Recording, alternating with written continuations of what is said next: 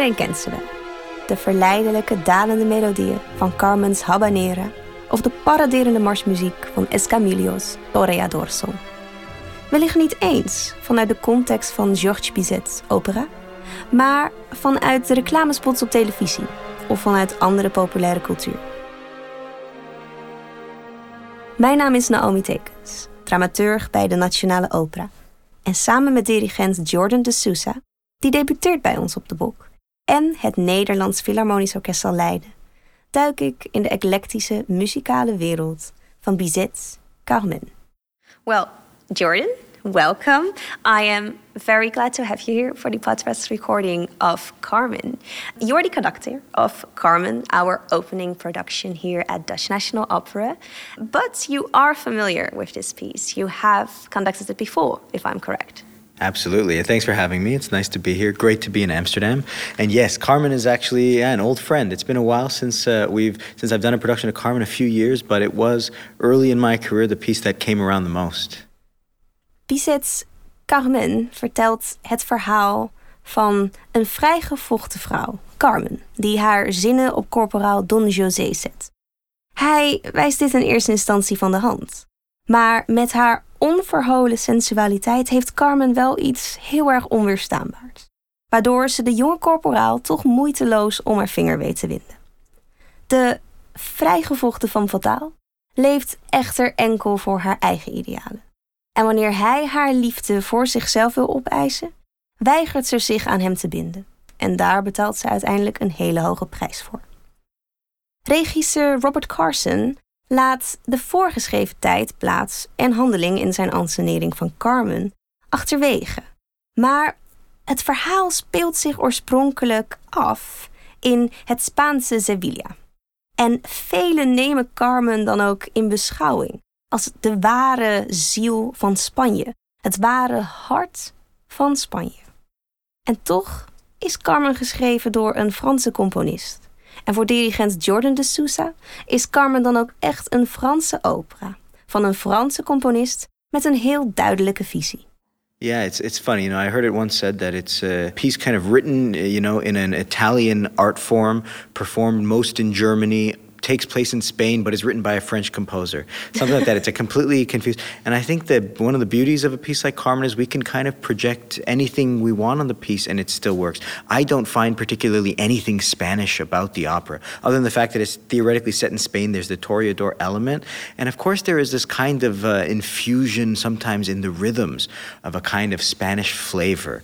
But really, it's French music to me. It's French opera. It also comes, you know, uh, from a tradition in French French opera that is almost like the precursor or the, the mother to the modern musical or musical theater, what we would consider now kind of Broadway. It was a form in which there was dialogue spoken in between, and that before Bizet was going at the form, that even they would sometimes take previously written music and just put new words to it.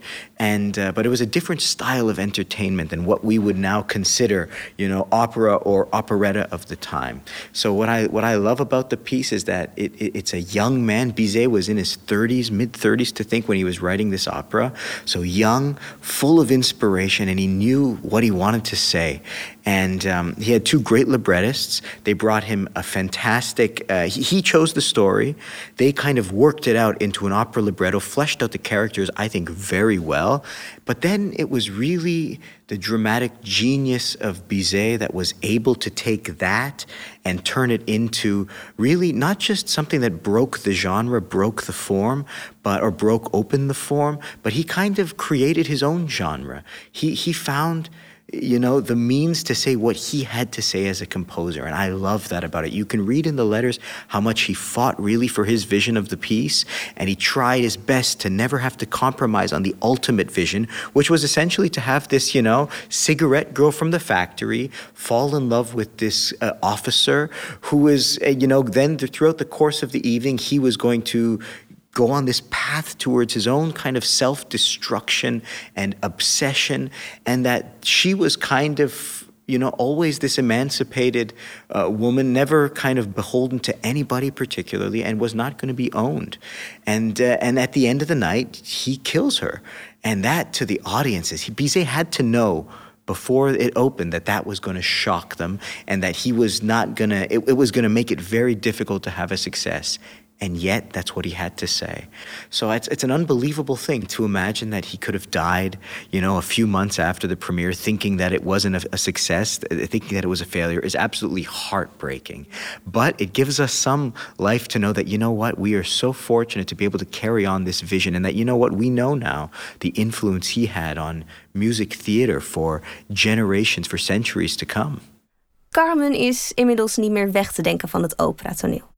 Het is een van de meest opgevoerde en populairste opera's aller tijden. En een opera met een enorme eclectische muzikale rijkdom. Ik vroeg Jordan daarom naar zijn favoriete muzikale moment uit de opera en zijn liefde voor het drama dat in de partituur van Bizet zelf besloten ligt. Uh, that's a tough question. You know, uh, it changes every day, especially with a score like this that is so rich. But I have to say, you know, I love, of course, the famous melodies too. But for me, all my favorite parts of Carmen are the things that happen in between. I think it's an unbelievably dramatic score. No note is wasted.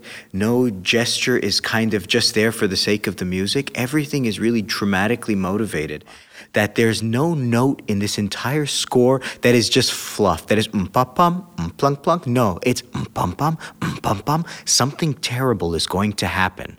What can that be? So it means to us we have to infuse everything with drama. It's all situational music. And I really am drawn in a way to to composers who have such a strong voice, have such a concept of theater. Even if you take one of the famous arias like the Seguidilla, you know?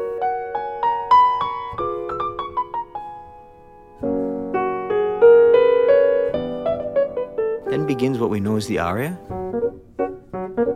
And the aria plays, the first strophe of it plays, and then all of a sudden it's interrupted by this scene in which Jose and Carmen really start to kind of have a discussion in the middle of this aria because she's trying to seduce him in order to let her escape.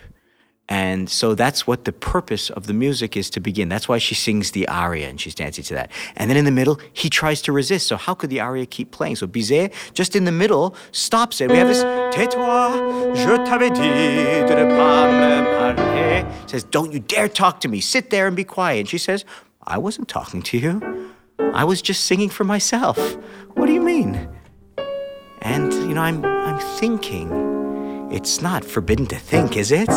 And then she gets back to the music. So again, Bizet is using this song form, manipulating the form to serve his dramatic purpose. And boy, does it make for an incredibly strong scene.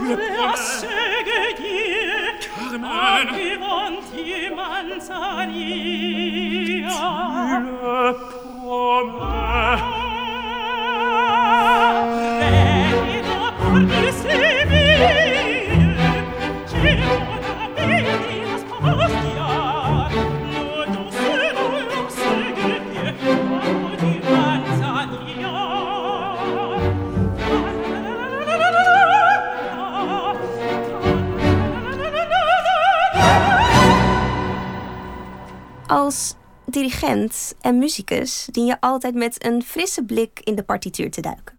Ook als je het werk al meer dan eens op je lessenaar hebt gehad. Niets mag routinewerk worden, want iedere noot, iedere klank en ieder klein muzikaal gebaar moet met de meest oprechte intentie en onderliggende betekenis worden verklankt. Want operamuziek is niet zomaar muziek. Het is verhalende muziek. You know, the, the, the, the power of, of rhythm in this score is undeniable. And I think a lot of people have found different ways to describe it. I've heard somebody say that everything is a dance number. And that's, I think, both true and not true. I think that everything does kind of inwardly dance, even though, like, take the habanera from Carmen Frizo. Right from the beginning of that, you can't help but kind of sway a little bit, you know?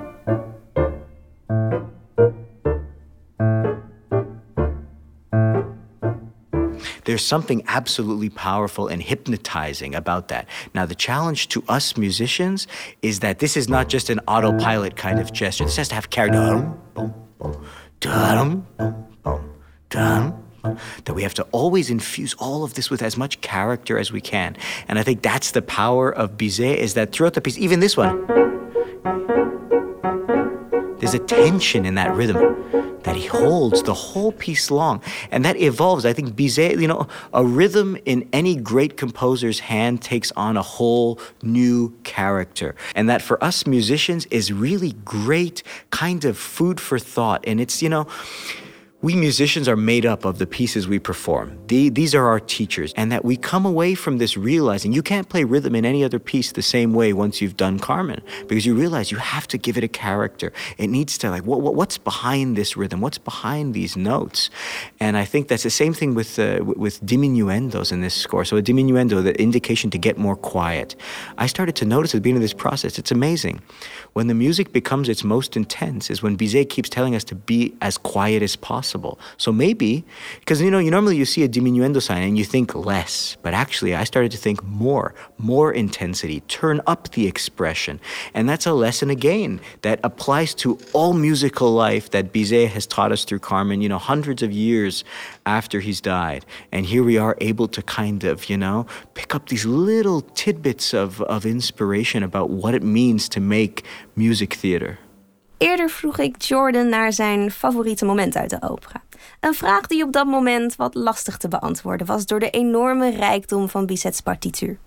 Maar toen we begonnen te spreken over het duet tussen Don José en Micaela, de andere vrouw in het verhaal, en het meisje met wie hij eigenlijk zou moeten trouwen, werd het toch wel duidelijk dat dit moment tot een van zijn favorieten behoort. In het duet ligt volgens de dirigent namelijk veel van Bizet's kunde als componist van en voor het drama besloten.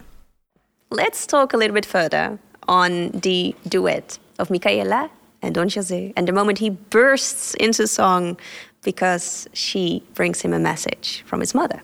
Exactly. You know, it's funny. You asked me before if I have a favorite moment. This might be one of my favorite moments of the opera because it's one of the first times when I was, you know, I remember first working on the opera and thinking like, what kind of a way to start a number is this? This is incredible. And so, so the story is, like you said, Micaela comes and says, I'm, I'm bringing a message from your mother. Now, the backstory, of course, is that Jose has kind of had to escape his homeland. He did something terrible. We won't get into it right now. Um, but, you know, he has a lot of guilt and shame. And how can you show that? How do, how do you tell that without having to get into the backstory? And Bizet, of course, can do it with one chord. Parle-moi de ma mère Parle-moi de ma mère. So what's that beginning? So the, there's horns and clarinets only, and they come in on this chord. What's that? Man, that's all that shame and guilt baked into one. In the first one, he's afraid. Oh my gosh, maybe she didn't forgive me. Parle-moi de ma mère. And listen what happens to the second chord. It opens up and he, he feels like a, a, burden's been lifted. He says, No, I want to know, how is my mother? And she begins this beautiful, kind of somewhat traditional, you could say, number stunningly beautiful, but information starts to pass. But amazing that in just a few chords, Bizet can already reveal so much about José's state of mind. And what's amazing about this number here is that José sounds different in this number than in any other number in the opera. And I mean, even vocally, if you speak to tenors who sing the role, they'll say often this is the hardest thing to sing because it doesn't fit with the rest of the role. It's like nothing else in the rest of the opera. And I think that's by design to show again this is who Jose, maybe who he was, or maybe who he could be if he went down the right path. And, and Bizet is able to show the effect that Micaela and that his back story and his mother, the love for his mother that he has, has on him positively. And we see that in this, that he's he's he's harmless. He's a he's a normal person. She starts J'apporte de sa part fidèle messagère cette lettre. Says une lettre et puis un peu d'argent pour ajouter à votre traitement. Just a normal. There's a little bit of hesitation. She's a bit shy because she doesn't want to give him the kiss that. She kind of avoids it and gives him some money instead from his mother. So all these little emotions are baked right into the fabric of this music.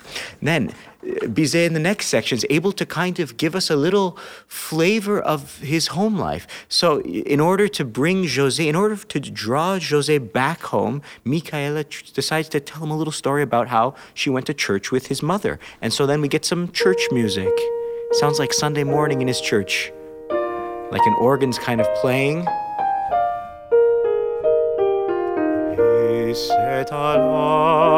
Says here he kissed me. Uh, she came and hugged me. And you can kind of hear that hug. Listen to that. There's a kind of a warmth to that. Then she gets into some funny storytelling.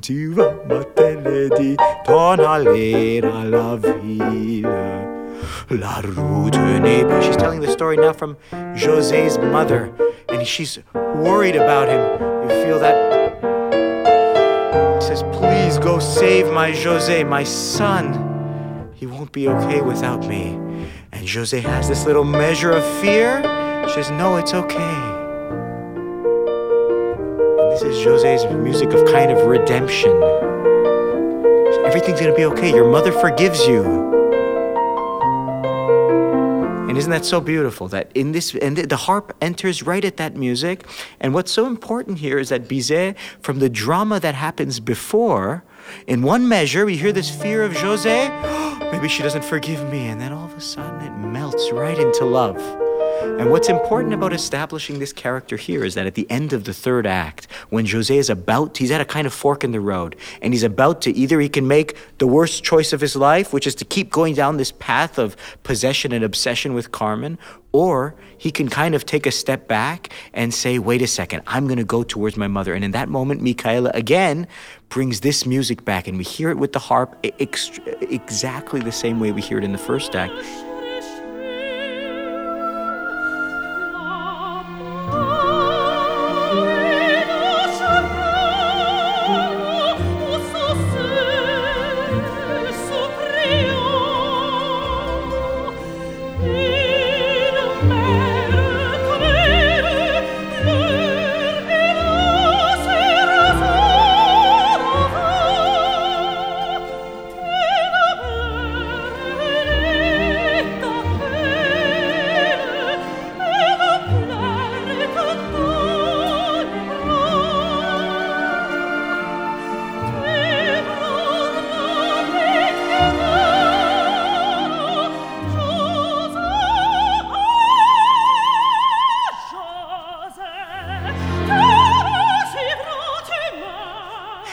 Kind of nostalgia, that kind of, you know, homesickness that you feel in this music is so amazing that every little section, every, you know, 30 seconds of music has its own little subtext. And that's for us to find out, and that's what we have to play, not to find the perfect tempo for it. No, every day that's different. The question is, what's the, the, the spirit of this music, and how do we transmit that to the audience? En ook de laatste en fatale confrontatie tussen Don José en zijn femme fatale Carmen behoort tot een van de favoriete momenten van de dirigent. Niet zozeer vanwege de tragedie die het teweeg zal brengen, maar vanwege de muzikale subtiliteiten in Bizet's vindingrijke partituur. The other one I love is when, the, when he comes at the very end of the opera. Now they haven't seen each other for some period of time. Jose is like a broken man, and he's probably been, you know, rehearsing this speech he's about to make to Carmen. Okay, don't get violent, Jose. Be nice, no matter what she says. You know, you know, try to be your best self. So he's ready to go, and she's just stone cold. And you can you blame her? You know, look what he's done in the past. So she decides my approach is I'm not running from this guy, but I'm also not going to help him feel better about what he's done. I'm going to stand my ground. And so what does uh, you know? So it, it starts at the beginning of the scene already powerfully. It says yeah. She says c'est toi, c'est moi, and in these two little lines. Bizet writes one rhythm for her, c'est toi, and a shorter rhythm for him, c'est moi. She has forte he has piano. Moi. So she's saying, I'm hard, I'm ready, don't matter what you say, I'm, I'm resilient. And he's saying, I, I come in peace. Yeah? She says, L'homme avait averti que tu n'étais pas loin, que tu devais venir. She says, People told me that I should be afraid for my life. But I'm brave, and I'm not going anywhere. What does he say? He says, I come in peace. Je ne menace pas, j'implore, je supplie. This is a little bit like the José we first experienced. This isn't like the other stuff. He never sounds like this in the last two, three acts of the opera. We're seeing a little bit of his soft side. Oui, nous allons deux. Now, this is great. Listen, here's a beautiful melody. Nous allons tous deux commencer une autre vie.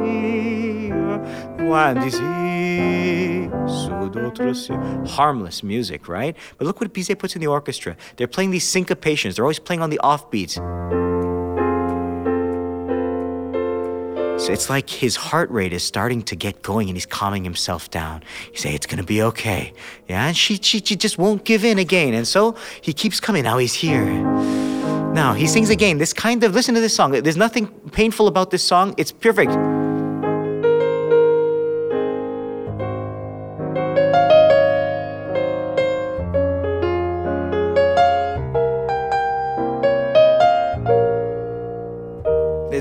There's nothing wrong with it at all. But now Bizet gives it against that syncopated rhythm. il est temps encore. Oui, il est temps encore. Ma Carmen. Listen to the harmony here.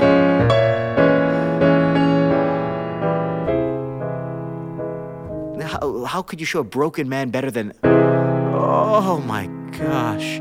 It's amazing that you could see that he means love but he's incapable of showing it at this place. He's put himself down such a path now that she has no choice but to reject him. And unfortunately, he feels he has no other choice but to do something absolutely preventable. But in this case, Jose is in touch with the wrong part of his, uh, uh, you know, of his inner monster. And I just think all of these little subtle things for us as musicians to constantly discover in the score is always a pleasure. I want to thank you. My pleasure. Very, very much. My pleasure. Carmen zal op 3 september aanstaande in première gaan bij de Nationale Opera in Amsterdam en is in totaal acht keer te zien. Kom en laat je verleiden door de kleurrijke melodieën, de passie en natuurlijk door de vrijgevochten van Fatal, Carmen. Tot in ons theater.